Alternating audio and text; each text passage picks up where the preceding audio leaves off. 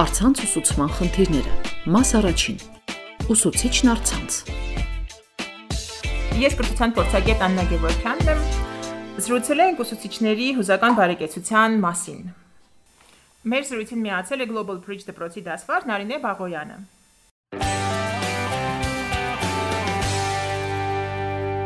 Խոսում ենք ձեր փորձից արցանց դասավանդման համ հետ գնալով մարտ-մայիս ամիսներին կատարված իրադարձություններին ու նաև հետ նայելով այդ ամբողջ անցած ճանապարհին խոսենք մի քիչ այն խաղաց դասերից, հա, ստացված ու չստացված գործողություններից, այն ինչը որ հիմա այդ գույն իրադարձություններից կամ իրողություններից, որտեղ որ մենք հիմա գտնվում ենք անցած տարի երբ որ կրթությունը տեղափոխվեց հրավար, իմ դասանը երկրորդ դասարանն էր երկրորդ դասանի երկրորդ կիսամյակ։ Բնականաբար սկզբնական շրջանում բավական մեծ բարդություններ ունեինք, թե ես թե աշակերտներս, նաև ներառյալ ծնողները, բայց երևի թե մոտ 1 ամիս անց ամեն ինչ կարգավորվեց երեխաները շատ էսպես հեշտությամբ ադապտացվեցին, ես նույնպես կարողացա շնորհիվ իրենց, քանի որ շատ արագ կարողացան յուրացնել տեխնիկայով աշխատելուն ու կարող եմ ասել որ բավական արդյունավետ ուսումնական գործընթաց ենք ապահովել անցած տարի։ Եթե դուք հիշեք ձեր անցումը, շատ կտրուկ անցումը արցանց հերավար ուսուցման անցյալ տարվա մարտ-մայիս ամիսներին, անսովոր էր ոչ միայն մասնագիտական, մանկավարժական տեսանկյունից, այլ նաև հոգեհուզական տեսանկյունից բավականին դժվար իրավիճակի մեջ էր դնում ուսուցիչներին ինչն այն ամենասենց ամենամեծ առաջին հոգեհուզական հա զգացումը, որը որ գալիս է ձեր մտքին դասասենյակում նստածան, գիտեք, տարաբնույթ երեխաներ, իրենց հետաքրքրություններով, նախասիրություններով, ու դասասենյակում առերես հեշտ է կարողանալ այսպես հասկանալ ում մոտ ինչ խնդիր կա ու ուսումնական գործընթացը այնպես կառուցել, որպեսզի արդյունավետ լինի։ Բայց երբ որ իրենք միանում են քեզ այսպես հեռախոսի էկրանից այն կողմ, դու տեսնում ես դեմքեր, երբեմն տեսախցիկի հետ խնդիրներ ունեն եւ այլն, ինձ մոտ ստագնապային ճեկ էր սկզբում առաջանում, որ չեմ կարողանա պահել այդ վերահսկողությունը։ Կկորցնեմ այդ կապը, չեմ կարողանա հավաքել դասարանը, ու բնականաբար չեմ կարողանա հաղորդել այն նյութը, որը որ ծրագրով պահանջում է ինձանից ինչպես կարողացաք հաղթահարել դա ճիշտ ասած ինձ շատ օգնեցին ասեմ գործընկերներս օգտագործել օրինակ Zoom-ը խորհուրդներ էին տալիս ես ամբողջ այդ ընթացքում ինչ որ սեմինարներ, վեբինարներ էի լսում,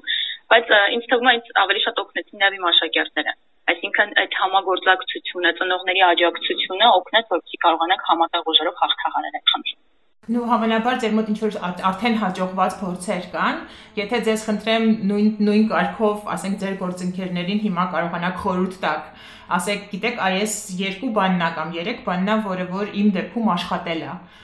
որոնք կլինեն այդ 2-3 առանձնացված բաները, որոնք որ դուք միանշանակ խորհուրդ կտաք մարդուն, ով որ հանկարծ հայտնվում այդ իրականության մեջ։ Հասկացա, Անա ջան, ուրեմն այսպես ասեմ, առաջին հերթին պետք է կարողանալ փոքր-ինչ գլուխ անել տեխնիկայից։ Այսինքն, եթե դու իրապետում ես գործիքին, որովհետև ամբողջությամբ ես բացատրել եմ աշակերտներին, ինչպես իրենք պետք է միանան, այսինքն կանոնակարգով։ Իրենք հստակ գիտեն, որ եթե դասին միանում ենք, միանում ենք անպայման ամենաուշը գոնե 1 րոպե ուշացումով։ Անջատում ենք բարձրախոսները, տեսախցիկը պետք է լինի միշտ միացված։ Այսինքն, եթե ունենք ընդհանուր, այսպես ասեմ, մեր սահմանադրությունը դասարանական,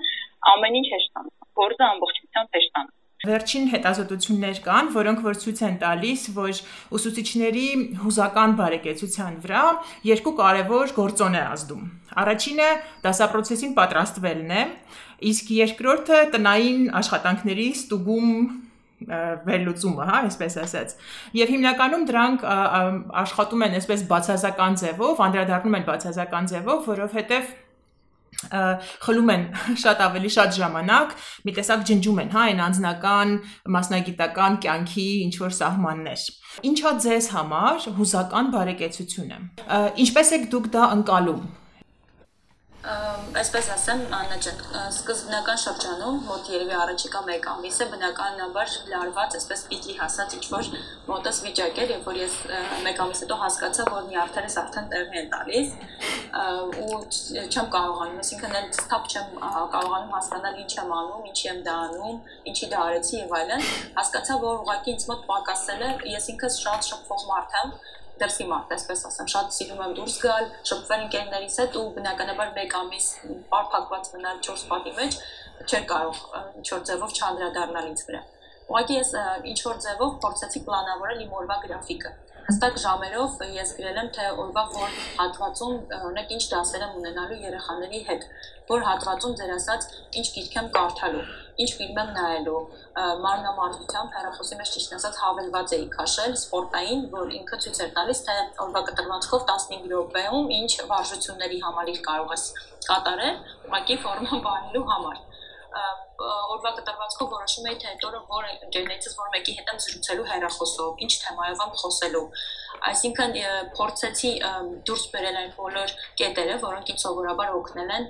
հանգստանալ, ռելաքսի տարբերակ ու փորձում էի ամեն օր դրանցից մեկը իրականացնել, որպեսզի կարողանամ պահպանալ իմ հոգևոր կայունությունը հոգևոր գրքեր կարդալ, որովհետև եթե ես դուրս գայի բալանսից, այսինքն կորցնեի ներդաշնակությունը, դա ազդելու էր նաև ուսումնական գործընթացի արդյունավետության վրա։ Իսկ եթե ես ուզում եմ, որ ամեն ձևով օգնեմ իմ աշակերտներին, բնականաբար ես պետք է առաջին հերթին օգնեմ ինքս ինձ։ Այսինքն ինձ համար ինձ բուժելու, այսպես ասեմ, հոգեբանորեն, չգիտեմ, ֆիզիկապես բուժելու տարբերակը ես գտել եմ ինչքանով եք կարողանում պահպանել այդ ձեր գծած իդեալական գրաֆիկը քանի որ ես իմ անձնական սեփական ընտանիքը չունեմ, այսինքն ես չունեմ երեխաների հոգս եւ այլն, որովհետեւ երբ որ ես խոսում եմ ընկերներիս հետ, իրենք ամուսնացած են, ունեն ընտանիք, ես հասկանում եմ թե ինչ ճգնաժամային իրավիճակում են իրենք, այսինքն ես հասկանում եմ իրենց խնդիրները, դպրոց ու միաժամանակ նաեւ իրենց երեխաների կարիքները։ Բայց քանի որ ինձ մոտ նման չգիտեմ, այս պայն երևի այդ պարագայում խնդիր կլիներ։ Ես նման խնդիր չունեի, ինձ համար շատ հեշտ էր այդ ամբողջը կազմակերպել։ Տանը ծնողներս ինձ շատ մեծ այսպես աջակցություն էին ցույց տալիս։ Ես առանձին սենյակում իմ գործունեությունն էի իրականացնում, այսինքն պետք է եղած ժամանակ իրենք գիտեին իմ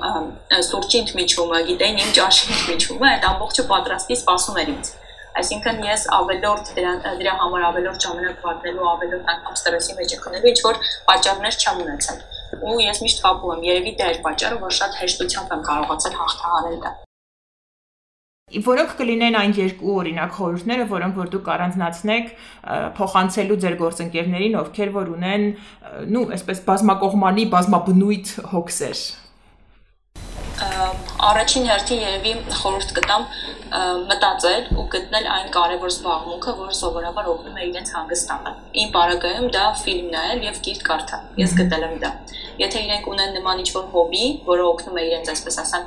թուլանալ, հանգստանալ, անպայման փորձեն դա իրականացնել։ Թեկուզ եթե ոչ ամեն օր ժամանակը թույլ չի տալիս, բայց գտնել դրա համար ժամանակ որովհետև եթե մենք ասենք ժամանակ չկա, միշտ ոչ մի բանի ժամանակ չկա ու երևի թե երկրորդ կետը հաջող զրուցել ընկերների հետ, քանի որ այս խնդիրը կարծես թե գլոբալ է, բոլորիս է վերաբերվում, կարծում եմ, եթե մենք նմանատիպ զրույցներ ունենայինք մարդկանց հետ, ովքեր նույն խնդրի մեջ են,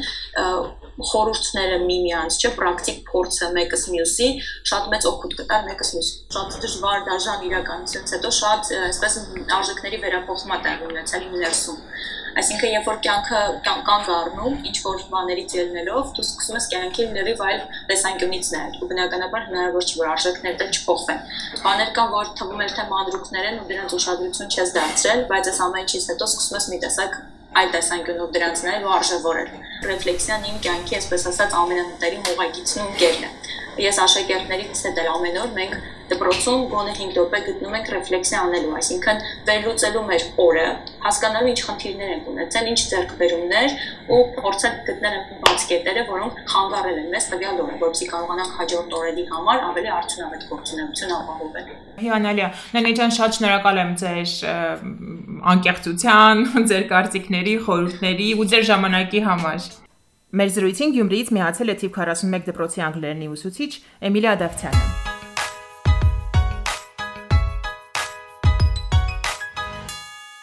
փոքր պատմեք ձեր փորձի մասին, թե ինչպես է ձեր մոտ անցել, հա, այդ կտրուկ անցումը արցանց կամ հերավար ուսուցման, ոչ միայն մասնագիտական, այլև հոգեհուսական տեսանկյունից ձեր վրա ազդեցություն ունեցել այդ կտրուկ անցումը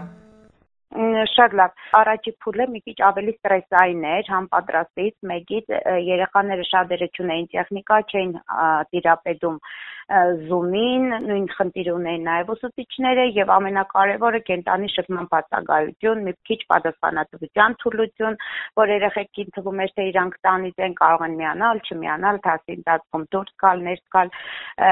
միան պատասխանելու եթե կապած խնդիր, բայց մենք ժամանակի ընթացքում հաղթահարեցինք, դասերը ինչ որ ձևով ավելի շատ օգուտ էր Zoom-ը կամ համակարգչով դասերը, քանի որ մենք կարողանում ենք հավելյալ շատ նյութեր տեղադրել, նայել միաժամանակ, հնարել են ինչ հնարավորություն չկար դպրոցում 45 րոպեվա ընթացքում այդ ամեն ինչը անել ավելի հետաքրքիր դարձրեցինք, ավելի ոգևորեցինք քույզեր, կահուդով խաղեր, դասերից հետո անմիջապես այդ ավարտի 10-15 րոպեն տրամադրում ենք այդ քույզերին կահուդին, դրա համար աշակերտներն արդեն ավելի ոգևորված, որ իրանք ավելի ուշադիր լսեն, ավելի լավ մասնակցություն ունենան, որպեսզի կարողանան հաղթել այդ քույզերում այդ ձևով ոնց որ թե ստացվեց հաղթահարել իհարկե շատ շատ շատ շատ դժվարություններ մնացին ոչ բոլորն էին տիրապետում այդ գործիքին բացի դրանից հեռախոսով են միանում հեռախոսով երկու հավելված միաժամանակ անջատել միացնելը դժվար էր դասի արդյունավետությունը ընկել էր որովհետև ծնողները ակտիվ միջամտություն ունեին կողքից հուշում էին ինչ որ կարծես լավություն էին անում հա չագերտ տա որ իրանց երեխեքին բայց մյուս կողմից նաև հստակ տեսնում էին ուսուցչի տված հանձնարարությունները պահանջները եւ ինչ որ ձևով վերահսկում էին իրենց երեխեքին ուղղակի սովորելու process բայց ամենաամենամեծ խնդիրը որը որ իհարկե հնարավոր չէ հաղթահարել դա այդ կենտանի շփումն է մարդկային էմոցիաների հույզերի անմիջական փոխանցումը որի բացակայությունը եւ դասի արդյունավետության եւ հոգեբանական առումով շատ մեծ բաց թողում է մենք դեռ սովոր չենք այդ ձև աշխատել ամեն դեպքում տարբեր հետազոտություններ ասում են, որ ուսուցիչների հուսական բարեկեցությունը, այսինքն նու հոգեպես առողջ լինելը, հա, լավ զգալը, եւ հստապես, եւ հոգեպես, եւ հոգեհուզական տեսանկյունից լավ զգալը, անդրադառնում է իրենց աշակերտների անմիջականորեն անդրադառնում է իրենց աշակերտների բարեկեցության վրա։ Ահա, իհարկե, ես խոսեմ իմ անձնական փորձից, հա, ես ինչ դրամատրությամբ մտնում եմ դասարան ու ինչ արդյունք եմ ստանում, այդ դրամատրությամբ բարաբաց դասից Օրինակ, երբ որ նո հոգեպես ավելի հավասարակշռված, ավելի խնդիրների, դա չնայած ասել, մտնում ենք դասարան, մոռանում ենք ամեն մի խնդրեմ նույնիսկ այդ պատերազմի ծանր իրավիճակների ժամանակ, երբ որ մի կողմից արցունք ես տրվում, մյուս կողմից ստիպված ես փոքր երեխեքին ժպտալու տենկով ստրեսից հետ պահելու մտնես դասը պարաբես, այդ ժամանակ ասեմ, լինում են պահեր հաղթահարում ենք, բայց բոլորս էլ մարդենք պահի տակ կարող է եւ չկարողանանք տիրապետել մեր հույզերը ու մեր հույզերը տանենք դասարան։ Երբ ես մի քիչ ավելի ճնշված եմ, մի քիչ խնդիրները ուղեղս չի կարող այդ խնդիրներից անջատվել, ես մտնում եմ անհավես, ուղղակի ես դասը մտել եմ, ստիպված եմ, չեմ կարող չպարաբել եւ այլն, դասը սկսում եմ ու այդ նույն արձագանքը ստանում եմ այսինքն ինչ հարցը ինչ տոնով տալիս եմ այդ ձևով պատասխան ստանում եմ ու այդ ինձ համար ոնց որ արձակ է մի հատ արձակ է որ ես հավաքեմ ասում եմ չէ այդպես չի երեխեքը հորանջում են իրանց հետաքրքիր չի պիտի ինչ որ մի ձևով փոխեմ ինքս ինձ հաղթահարեմ ու այստեղ գալիս է մեր մասնագիտական այդ խաղերը, բարերը, որը որ ես իրարում եմ դասի ժամանակ, այդ ձևով ոնց որ թե մի հատ ռեստարտ է գնում ու ամեն ինչ լավ է գնում։ Ինչպես եք կարողանում վերականգնվել։ Ինչ մեխանիզմներ են ձեր համար, ասենք եթե վերադառնաք մտովի էլ, հա, այդ մարտ-մայիս ամիսներին, ինչ մեխանիզմներ են ձեր համար աշխատել, որպեսզի դուք կարողանաք վերականգնվեք։ Ամեն դեպքում կենտանի շփումը խոսել, արտահայտվել ես իմ բնույթով շատ շփող մարդ եմ ու չեմ սիրում այդ ես սիրում եմ որ իմ կողքումից շատ մարդիկ են լինում ու ցանկացած ստրեսային իրավիճակ եւ այլն այդ պահը մեկ էլ շատ ֆիլմեր եմ դիտում երբ որ դիտում եմ որ չէ իմ հոգեվիճակն այնպեսին է որ ես կարող է իմ պավածքով խոսքով ինչ որ մեկին նեղացեմ կամ առանձնանում եմ նաուշնիկները ծնում եմ ֆիլմ եմ միացնում ու երկու ժամով ամենտեղից բացակայում եմ մտնում եմ լրիվ ամբողջությամբ այդ ֆիլմի բովանդակության ֆիլմի ֆիլմի մեջ, այսինքն ասում եմ որ վերջ, ես գնացի ինձ ման չգաք։ Իսկ ավելի շատ շփում եմ ընկերների, հենց նույն այդ աշակերտների այդ ծևով, միայն շփման միջոցով, կենտանի շփումը։ Իսկ այն իսկ այն դեպքերում, երբ որ մենք չենք ունեցել այդ կենթանի շփումը, հա, այսինքն եթե նորից վերադառնալ Դե անդամների հետ ինչ որ մի ծևով ինչ հարցի քննարկում կամ ինչ որ ապագայի պլանների կառուցում կամ ինչ որ խնդիրների հարցերի լուծում, եղել են եվրոպական խնդիրներ, որը կողքի են դրվել, ասենք, հա դե հələ սրա ժամանակի ասում եմ իսկ պրբդենք տեսնենք որ խնդիրներ են դրել, ասել ենք հետո կմտածենք դրա մասին, այդ ծևով միայն շփում, միայն շփում Մեկ էլ իհարկե, եթե հնարավոր է եղել դուրս գալ քայլել, եղանակային պայմաններն են կամ ինչ որ բան չնայած այդ դիմակներով թերթում քայլելն ավելի շատ ստրես էր առաջացնում, մանավանդ երբ ոստիգան տեսնում էի, ուստի բազեի ավելի մի հատ գորանանան, թե վայ քիթս թագե, այդ ավելի ստրեսային էր, համակերպեցինք ամեն դեպքում մասամենտի համակերպում է, բայց ավելի շատ շփումը։ Երևի թե միայն շփումը։ Շատ հեռախոսով, թեկուզ օնլայն տարբերակով պատկերացնում ենք նույնիսկ ընկերուներով Երևանայում ենք, մեկս Ամերիկայում, մեկս Կանադայում ու հավաքվել ենք, մի ասում ենք արտասահմանխոսում ենք Skype-ով լավ ենք զգում, մեզ հիմա ինչ չշփվենք, այդ ձևով, մենակ շփումով։ Շատ լավ։ Էմիլիա ջան, վերջին հարցը ունեմ։ Ձեր պատկերացրեք դուք խորհուրդ եք ուզում տալ ձեր գործընկերներին, թե ինչու է կարևոր ունենալ կայուն կամ պահպանել կայուն հուզական բարեկեցություն։ Դուք ինչ խորհուրդ կտաք Դե որովհետև այդ հուսական բարեկեցությունից նաև գալիս է մեր ֆիզիկական առողջությունը ու հետո այդ ազդում է ոչ միայն մեր վրա, այլ մեր շրջապատի վրա, իսկ մենք իրավունք չունենք թեկուզ մեր վատ տրամադրության կամ ինչ որ ճշողա այդ մեկը փոխանցել ուրիշի եթե մենք դրականը չենք կարող տալ պատասխան տալու իրավունք չունենք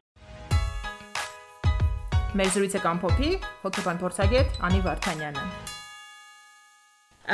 Անի, ինչ է հուզական բարեկեցությունը Դա հարաբերականորեն կայուն դրական հոգեբանական վիճակն է։ Ինչու եմ ասում հարաբերականորեն կայուն, որովհետև մենք չենք կարող բացարձակ ունենալ այդ կայունության վիճակը տևական ժամանակահատվածում, քանի որ ցանկացած կենսասոցիալական միջավայրում տարբեր գործոններով պայմանավորված կարող են լինել տատանումներ արտաքին գործոնները շատ բազմազան են լինում եւ ինչ որ առումով նաեւ մարտահրավեր են հանդիսանում եւ մենք պիտի կարողանանք փոփոխվող միջավայրում դրսեւորել համապատասխան ռեակցիաների ամբողջություն, որpիսի կարողանանք դրանով եւ միջավայրին դրանով համապատասխան մոտեցումներ ցուցաբերել եւ նաեւ պահպանել մեր սեփական ներքին կայունությունը։ Ինչպես է ազդել, հա, համավարակ ուսուցիչների վրա քո կարծիքով իրենց հուզական բարեկեցության տեսանկյունից եւ ինչու է այն կարեւոր հենց ուսուցիչների համար Ընդհանրապես հուզական բարեկեցությունը գնահատելու համար մի քանի հիմնական գործոնների տեսանկյունից փորձենք իրադրությունը մեկնաբանել, մասնավորապես ֆիզիկական դրական ինքնազգացողության, արդյունավետ մտավոր աշխատանքի կարողության, հույզերի կառավարման կարողության շրջանակներում, օրինակ այնպիսի էմոցիաներ, ինչպիսիք են զայրույթը, վախը, անհանգստությունը, եւ իհարկե այդ ամենից բխող, նաեւ այդ ամենից զատ արդյունավետ ներդաշնակ փոխհարաբերություններ ստեղծելու եւ պահպանելու կարողությունը ուսուցիչների մասնագիտական գործունեության շրջանակներում սրանք թերևս էական կարևոր նշանակություն ունեն այն առումով, որ անմիջականորեն արտացոլվում են աշխատանքային գործունեության շրջանակներում եւ ազդում երեխաների եւ ուսումնական գործընթացի արդյունավետ ապահովման վրա եւ երեխաների հոգեբանական կայուն վիճակի ապահովման առումով։ Հերավար ուսուցման պայմանավորված ունեցել ենք բազմաթիվ դեպքեր, որ ուսուցիչները շատ դժվարացել են որովհետև ուսուցիչների համար այդ մարտահրավերները եղել են շատ անկանխատեսելի, միանգամից եւ ինչ որ առումով իրենց համար նոր ռեսուրսների դրսևորման տեսանկյունից բավականին բարդ, ինչ որ տեղերում նույնիսկ անհնար։ Ուսուցիչներ են ունեցել, որ իսկապես նույնիսկ ֆիզիոլոգիական դրսևորումների տեսանկյունից այնքան բուրըն արտահայտումներ են ունեցել, որ պարզապես չեն կարողացել ներգրավել process-ի մեջ։ Մենք իհարկե իրականացրել ենք հետազոտություն եւ ուսուցիչների, եւ հոգեբանների եւ ծնողների հետ դրսևորվող խնդիրների ավելի խորքային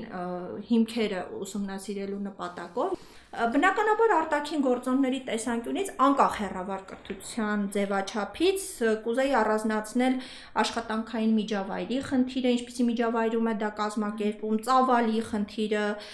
սեփական դերն ու նշանակությունը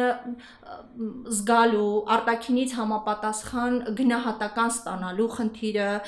մոտիվացվելու խնդիրը աշխատանքային մարտահրավերների փոփոխության խնդիրը, որքան դրանք շատ ավելի փոփոխական են, այնքան ավելի մեծ ռեսուրսներ են պահանջում եւ հնարավոր է ավելի ստրեսային դիտարկվեն մասնագետի կողմից։ Ներքին գործոնները շատ ավելի կարևոր տեղ ու նշանակություն ունեն։ Ներքին պատշաճ ռեսուրսների,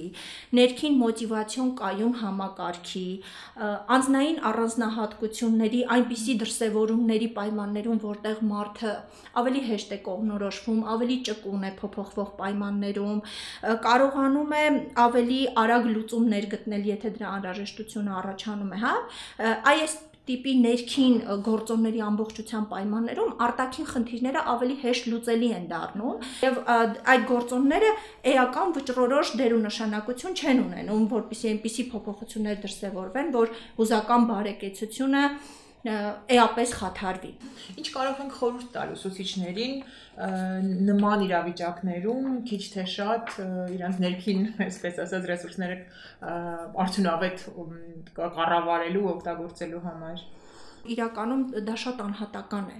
եւ ամեն անձ յուրովի ունի իր հաղթահարման կարևոր մեխանիզմները այդպիսի մի նույնիսկ տերմին կա հա կոպինգ մեխանիզմ ինչպես է կարողանում ինչպես է հաղթահարում լուծումներ գտնում որպես ուղակի որոշակի հուշումներ կարելի է նշել որ դրանք կարող են լինել այնպիսի մոդելների տեսքով, երբ մարդը շարունակում է գործել առանց հապաղելու, հա, առանց իր կոմֆորտի զոնայում փորձելով խնդրի չլուծելու համար պատճառներ գտնելու, ցանկացած խնդրի մասին է խոսքը գնում։ Այստեղ կարող է այդ սլաքները ուղղվել նաև նոր տեխնոլոգիաների տիրապետմանը, օրինակ, երբ մանկավարժը ուսուցիչը չի տիրապետում այդ մեխանիզմներին եւ որպես բացատրություն հենց նշում է, որ ես չեմ կարողանում, ես ինչպես միանամ այդ դասապրոցեսին, եթե ես չգիտեմ, եւ հենց հոգեբանական մեխանիզմից է բխում, թե ինքը ինչպես կկարողանա լուծել խնդիրը։ Եթե ինքը դա ընդունում է որպես մարտահրավեր, փորձում է հասկանալ ինչպես կարող է սովորել, ինչպես կարող է օգտվել եւ այս ամեն ինչի մեջ չմնալ խնդրի մեջ եւ պատճառաբանել երևույթը անկարողությամբ։ Այստեղ հոգեբանական ճիշտ ներդրված մեխանիզմը ստացվում է, որ նաև հետևանք որպես ունենում է համապատասխան գիտելիքների յուրացում։ Իսկ այդ գիտելիքները որպես ուժ ինքը կարող է օգտագործել, որովհետև նույն անորոշությունը, թերարժեքությունը, դասարանը ղեկավարելու անկարողությունը բխում են պատշաճ գիտելիքների պակասից, երբեմն որոշ դեպքերում, հա։ Եթե չասենք, որ գուցե թե շատ հաճախ Այս առումով պիտի նշենք, որ հենց հոգեբանական մեխանիզմներից է սկսվում ողջ process-ը։ Իսկ ընդհանրապես պետք է առանձնացնենք մի քանի տարբեր ուղություններ։ Դրանք կարող են վերաբերել եւ հույզերի կառավարմանը, եւ ժամանակի կառավարմանը, ինչպես պատշաճ բաշխել ժամանակը, ինչպես կարողանալ ինքնախնամքի միջոցներով ապահովել նաեւ այնպիսի հուզական կարևոր ֆոն, որտեղ դրական ինքնազգացողությունը կարող է նպաստել արդյունավետ աշխատանքի, որովհետեւ այստեղ մենք մի շատ կարևոր գործոնի հետ նաեւ գործ ունենք։ Մենք 20-80 հարաբերակ աջակցությամբ կարող ենք մեր աշխատանքը բաժանել այն մոդելով, որտեղ մենք 80% կարող ենք աշխատել ու ստանալ 20% արդյունք, բայց կարող ենք անել նաև հակառակը, երբ որ մենք աշխատում ենք 20%, մեր ծախսած ժամանակը 100-ի ընդամենը մի 20%-ն է, բայց դա կազմակերպվում է այնպիսի արդյունավետությամբ, որ ապահովում է 80% արդյունք Շատ շնորհակալ եմ ձեր կարծիքների, խորհուրդների ու ձեր ժամանակի համար։ Պոդքասթը պատրաստվել է Քաղաքացիական հասարակության աջակցությունը Հայաստանում արցանց կրթությանը ծրագրի շրջանակում Կրթության, գիտության, մշակույթի եւ սպորտի նախարարության աջակցությամբ եւ Ասիական զարգացման բանկի ֆինանսավորմամբ։